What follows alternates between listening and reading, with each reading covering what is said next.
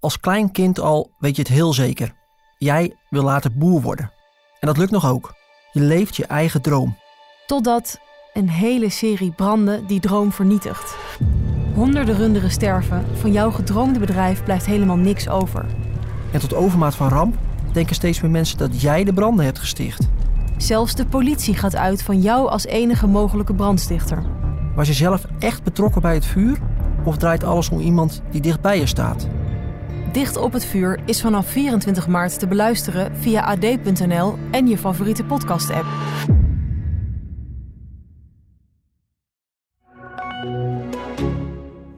Loopt u te liegen? Nee. Dat is een beetje een onzinverhaal dit. Dat je je bankpas... Meneer de officier, Nee, nee, meneer, meneer de raadsman. Ja, Ja. meneer, te liegen? Ja, dat is Ja, ik, als, ik, als ik vraag aan meneer of hij loopt te liegen, vraag ik of meneer loopt te Nee, liegen. u stelt Het het. was niet de vraag, u zei Ik het was inderdaad net als klaar. Het. U Ja. zegt het. U Ja. zegt dat hij liegt. Ik zeg dat hij niet. niet. Het is een open vraag. Ik ga nu u even niet het woord geven en wilt u uw vraag stellen? Ik concludeer dat het u liegt.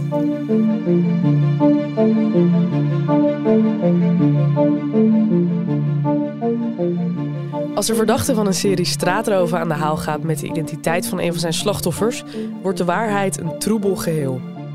Wat doe je als officier van justitie wanneer je totaal niks kan met de verklaring van een verdachte?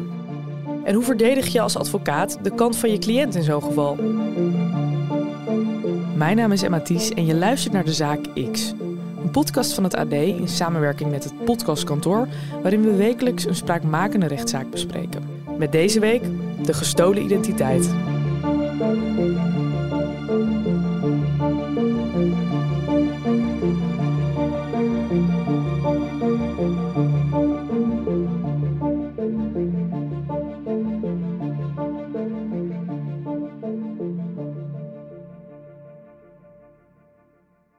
In de aflevering van vandaag bespreken we een rechtszaak die uit meerdere aanklachten bestaat. In de eerste instantie gaat deze over drie straatroven, die alle drie plaats hebben gevonden in Gouda. Een van de slachtoffers uit deze rechtszaak fietst een jaar geleden door de stad als ze de verdachte tegenkomt. Uh, zij fietste in oktober 2021 uh, s'nachts door Gouda. Je hoort de stem van Serena Hofman. Serena is verslaggever voor AD Groene Hart en vertelt over de zaak. En zo vertelt ze tegen de politie. Op een gegeven moment ziet ze twee mannen op zich afkomen. In eerste instantie heeft ze het idee dat het om haar fiets gaat. Uh, maar dan wordt eigenlijk haar tas gestolen. Uh, daarvan zegt de verdachte, dat klopt, dat heb ik gedaan. En wat er dus vervolgens is gebeurd, is dat...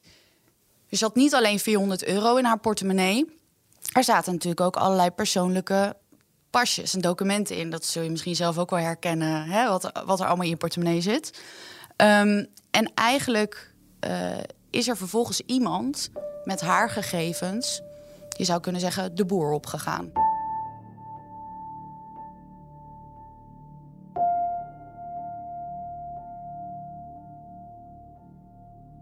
De officier beschuldigde de verdachte er ook van dat hij met gestolen gegevens, dus bijvoorbeeld een identiteitsbewijs, um, andere mensen heeft uh, opgelicht.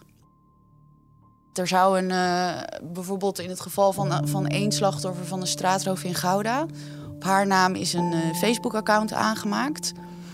En via Facebook wordt er natuurlijk, net als op Marktplaats, best wel wat verkocht of gekocht. En met dat fake account is dus eigenlijk een vrouw uit Rotterdam gelokt om een telefoon te verkopen.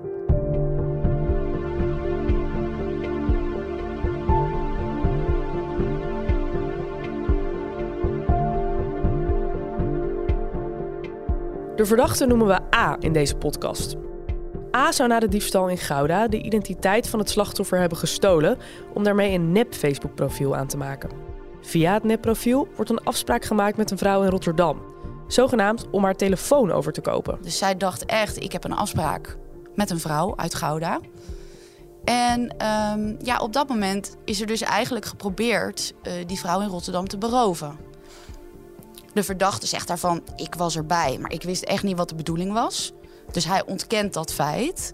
Maar ja, er staat natuurlijk wel vast dat die vrouw die heeft daar zitten wachten in haar auto. Je ziet ineens een man met een bivakmuts op zich afkomen. Zo vertelt ze aan de politie. Er wordt op het raam van haar auto geklopt en er wordt een mes getrokken. En op dat moment heeft ze eigenlijk nou ja, vooral aan haar eigen veiligheid gedacht, uh, kreeg ik de indruk. Want ze heeft gewoon het gas ingedrukt en ze is weggereden. In de eerste instantie wist ik niet wat er ging gebeuren, zeg maar. Want die mes ook die uh, verteld is, die zag ik ook niet. En niemand had, tenminste wat ik zag, een bivak op. Je hoort de stem van verdachte A. In zijn verklaring bevestigt hij dat hij aanwezig was bij de roof. Al blijft, tot frustratie van de officier van justitie, veel onduidelijk over zijn rol. Dus het is niet dat ik wist in de eerste instantie dat overval van straatroof werd gepleegd. En toen zijn we gewoon daarheen gegaan en zodoende is eigenlijk die poging ontstaan. Nou, dat, dat snap ik niet helemaal. Want zodoende is het. Ik loop niet ergens samen met twee vrienden en ontstaat er opeens een, een, een straatroof. Dat, dat gaat niet. Dat ontstaat niet. Hè? Dat is iets wat je afspreekt of je gaat dat doen. Dus u loopt daar met uw vrienden en u loopt op die auto af. Waarom loopt hij op die auto af? Nee, wacht Liep je op die auto af? Nee. Nee. U liep niet op die auto af? Nee. U bleef staan? Liep iemand anders op de auto af? Ja. Kunt u wat meer over vertellen? Liepen twee personen op die auto af? Of, nie, of één? Of... We zaten samen in de auto en toen, uh, toen gingen we uitstappen. En toen liepen we een bepaalde kant op. En daar stond die auto, dus het is niet dat we doelgericht naar, tenminste ik doelgericht naar die auto toe ging. Ik zag toen dat die twee naar die auto toe liepen. En toen is ze weer weggereden eigenlijk. Hij zei eigenlijk elke keer, ik was er wel bij, maar ik deed niets. En ik wist eigenlijk ook niet precies wat de bedoeling was uh, op dat moment. Om een voorbeeldje te noemen, dat ging dan over die, die straatroof in Gouda in het Groene Eiland, een park. En uh, ja, daar was hij dus wel bij aanwezig geweest, zei hij. Maar op een gegeven moment um, was er, waar, kwamen er twee groepjes jongeren bij elkaar en ontstond er een soort uh, duwen-trekken situatie. En hij zei van ja, ik heb eigenlijk niks gestolen daar. Terwijl hij dus later, uh, volgens het Openbaar Ministerie, wel um, met die pinpas aan de gang is gegaan, om het zo te zeggen. Mm. Um, en het enige dat hij eigenlijk wel echt ruiterlijk toegaf, was dat hij de tas had gestolen van het meisje dat ook aanwezig was in de zaal. In de rechtszaal is één slachtoffer aanwezig. Het is de dame die vorig jaar de dupe was van de straatroof in Gouda en wiens identiteit vervolgens online is gebruikt. Hiernaast zijn er aan de kant van de verdachte drie familieleden in de zaal en zijn advocaat. Vaak kabbelt een rechtszaak een beetje voort. Als je vaker in de rechtbank bent geweest, dan weet je: oké, dit is de volgorde. Nu gaat de rechter praten. Dan mag de verdachte zijn verhaal doen. En dan komt de officier om de hoek. En in dit geval werd het echt gewoon een beetje een gesprek, maar ook een gesprek over: had je die vraag wel zo moeten stellen of had je dat anders moeten doen? Hoe is dat in het voordeel van de verdachte of hoe is dat in zijn nadeel? Ja, en dat maakt als je een rechtszaak volgt, um, maakt het wel interessant. Omdat je dan toch een beetje meer een, een blik achter de schermen krijgt.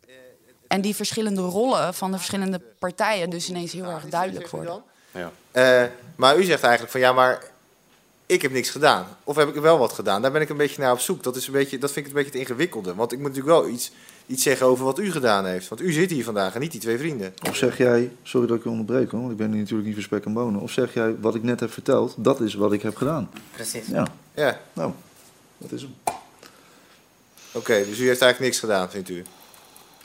Dat is uw conclusie. Nou, Dit is zijn antwoord. Ja.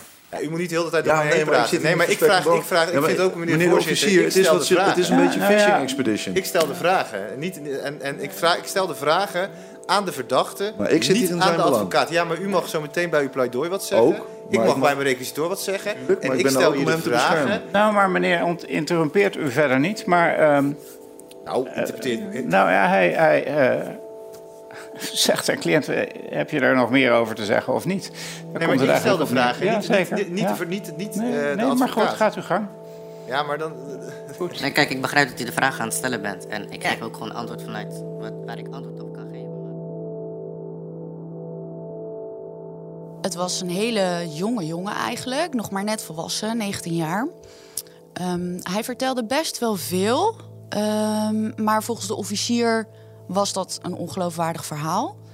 Daardoor probeerde hij eigenlijk, denk ik wel, elke keer een soort van gaten in zijn verhaal aan te vullen met, met um, allerlei zijpaden. En ehm, nou ja, ik zag ook wel dat de advocaat eh, daar af en toe een beetje moeite mee had. Die probeerde hem af en toe wel een beetje in bescherming te nemen... door eventjes een hand op zijn schouder te leggen. En ook ehm, nou ja, aan de verdachte te vertellen van... goh, als je het niet precies weet, dan hoef je niks te gaan invullen. Dan mag je ook gewoon zeggen, ik weet het niet. Of ik herinner het me niet meer. Hij zei dat hij er oprecht spijt van had. Dat het niet had mogen gebeuren. De rechter vroeg nog wel even door naar het waarom. Hè? En toen kwam er eigenlijk wel een beetje mondjesmaat naar buiten dat dat, dat, dat uit geldnood geboren was. Dus ja, daar gaf hij wel, ik denk, openheid van zaken. Voor zover het over zichzelf ging. Na de straatroven en het vermeend stelen van de identiteit duurt het even voordat justitie A op het spoor is. Als een derde slachtoffer aangifte doet van een straatroof in Gouda, wordt gezien dat zijn gestolen pinpas gebruikt wordt in een tankstation in Nieuwegein. Als de camerabeelden van het tankstation worden gecontroleerd, denkt men in eerste instantie een familielid van A te zien. Het familielid wordt in de eerste instantie dus afgeluisterd. Pas later komt A op de radar van de politie. Er zijn een aantal gesprekken onderschept waarin er wordt gesproken over de verdachte. Die wordt echt bij naam en toenaam genoemd. Zo begreep ik gisteren uit het dossier. En er worden de dingen gezegd als ja, hij moet alles ontkennen. Uh, er moet aan een alibi worden gewerkt, zou er ook gezegd zijn. Dus ja, op dat moment is het dan voor de politie wel duidelijk dat ze ja, wat vragen hebben natuurlijk aan die jongen. Ja, ja. Ja, en zo begint dat onderzoek tegen hem eigenlijk uh, een beetje te rollen. En dan gaan die agenten die gaan nog een keer naar die camerabeelden kijken. En dan zeggen ze: nee, maar dit is niet die persoon die we in eerste instantie dachten. En zo komen ze uiteindelijk bij hem terecht. Het aanwezige slachtoffer eist naast een schadevergoeding een contactverbod, waarbij A niet meer in haar buurt mag komen. Ze geeft aan dat ze niet het risico wil lopen ooit nog met hem in aanraking te komen. In de rechtbank daarentegen zit ze nog geen drie meter van de verdachte af. En dat lijkt impact op hem te hebben. Nou ja, of het hem zeg maar wat deed dat het slachtoffer er was, dat denk ik wel. Want tijdens zijn laatste woord richtte hij zich echt tot haar. Hij draaide zich ook om naar haar. Zij zat ook weer achter mij. Dus toen keek ik de verdachte ook wel recht in zijn gezicht. En toen zag ik ook wel dat hij, dat hij zei van... Nou, weet je, het spijt me gewoon oprecht. Hij zei ook, ik weet dat woorden het niet kunnen goedmaken... maar weet wel dat ik nooit meer iets in jouw richting ga doen. Dat zei hij wel echt direct tegen haar. Ik wil eerst iets zeggen tegen mevrouw Ten eerste wil ik sowieso mijn oprechte excuses aanbieden... voor wat je is overkomen. Ik kan natuurlijk de tijd niet terugdraaien en woorden nemen je pijn niet weg. Daarom ben ik ook bereid om wat dan ook als er iets is wat, waarvoor ik jou kan, wat ik kan betekenen voor jou, dat ik dat graag wil doen. En dat nogmaals gewoon oprechte excuses voor wat je overkomen is. En ja, ik hoop dat je hoeft mijn excuus niet te aanvaarden, maar dan weet je wel dat echt dat om me recht spijt. En dat ik uh, dus zo geen angst hoeft te hebben dat ik ooit nog iets zou proberen in die richting bij. Um, nou, de officier heeft dus een uh, best een fikse gevangenisstraf geëist. 24 maanden cel, waarvan 8 voorwaardelijk. Dat houdt in dat deze jongen, die al 7,5 maand zit, um, als de rechter daarin meegaat natuurlijk, hè, um, nog een paar maanden zou moeten zitten.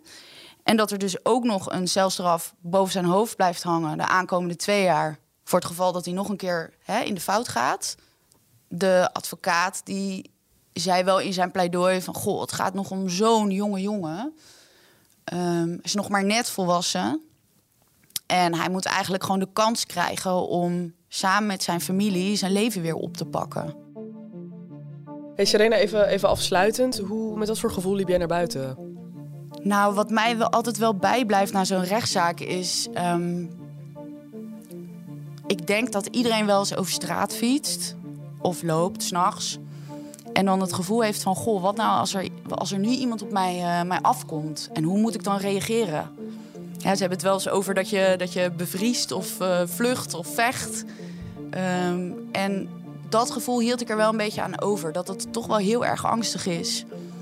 Um, nou ja, dat, dat dus iemand zomaar kan beslissen van... hé, hey, ik wil jouw tas hebben. En daarom ga ik jou nu aanvallen. Ja. Serena Hofman, dankjewel. Jij ook bedankt, Emma.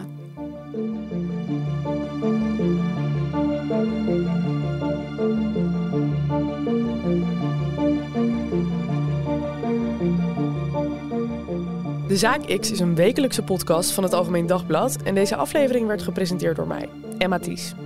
Aan deze podcast hebben meegewerkt David Achter de Molen van het podcastkantoor, Sanne Beijer, Joost de Kleuver en Thomas Brouwer. Ben je benieuwd naar de uitspraak in deze zaak? Zodra deze bekend is, vind je die op ad.nl slash dezaakx. Vond je dit een goed verhaal? Laat dan vooral een review achter, zodat we beter vindbaar worden voor nieuwe luisteraars. En wil je ook de volgende aflevering niet missen? Abonneer je dan op dit kanaal.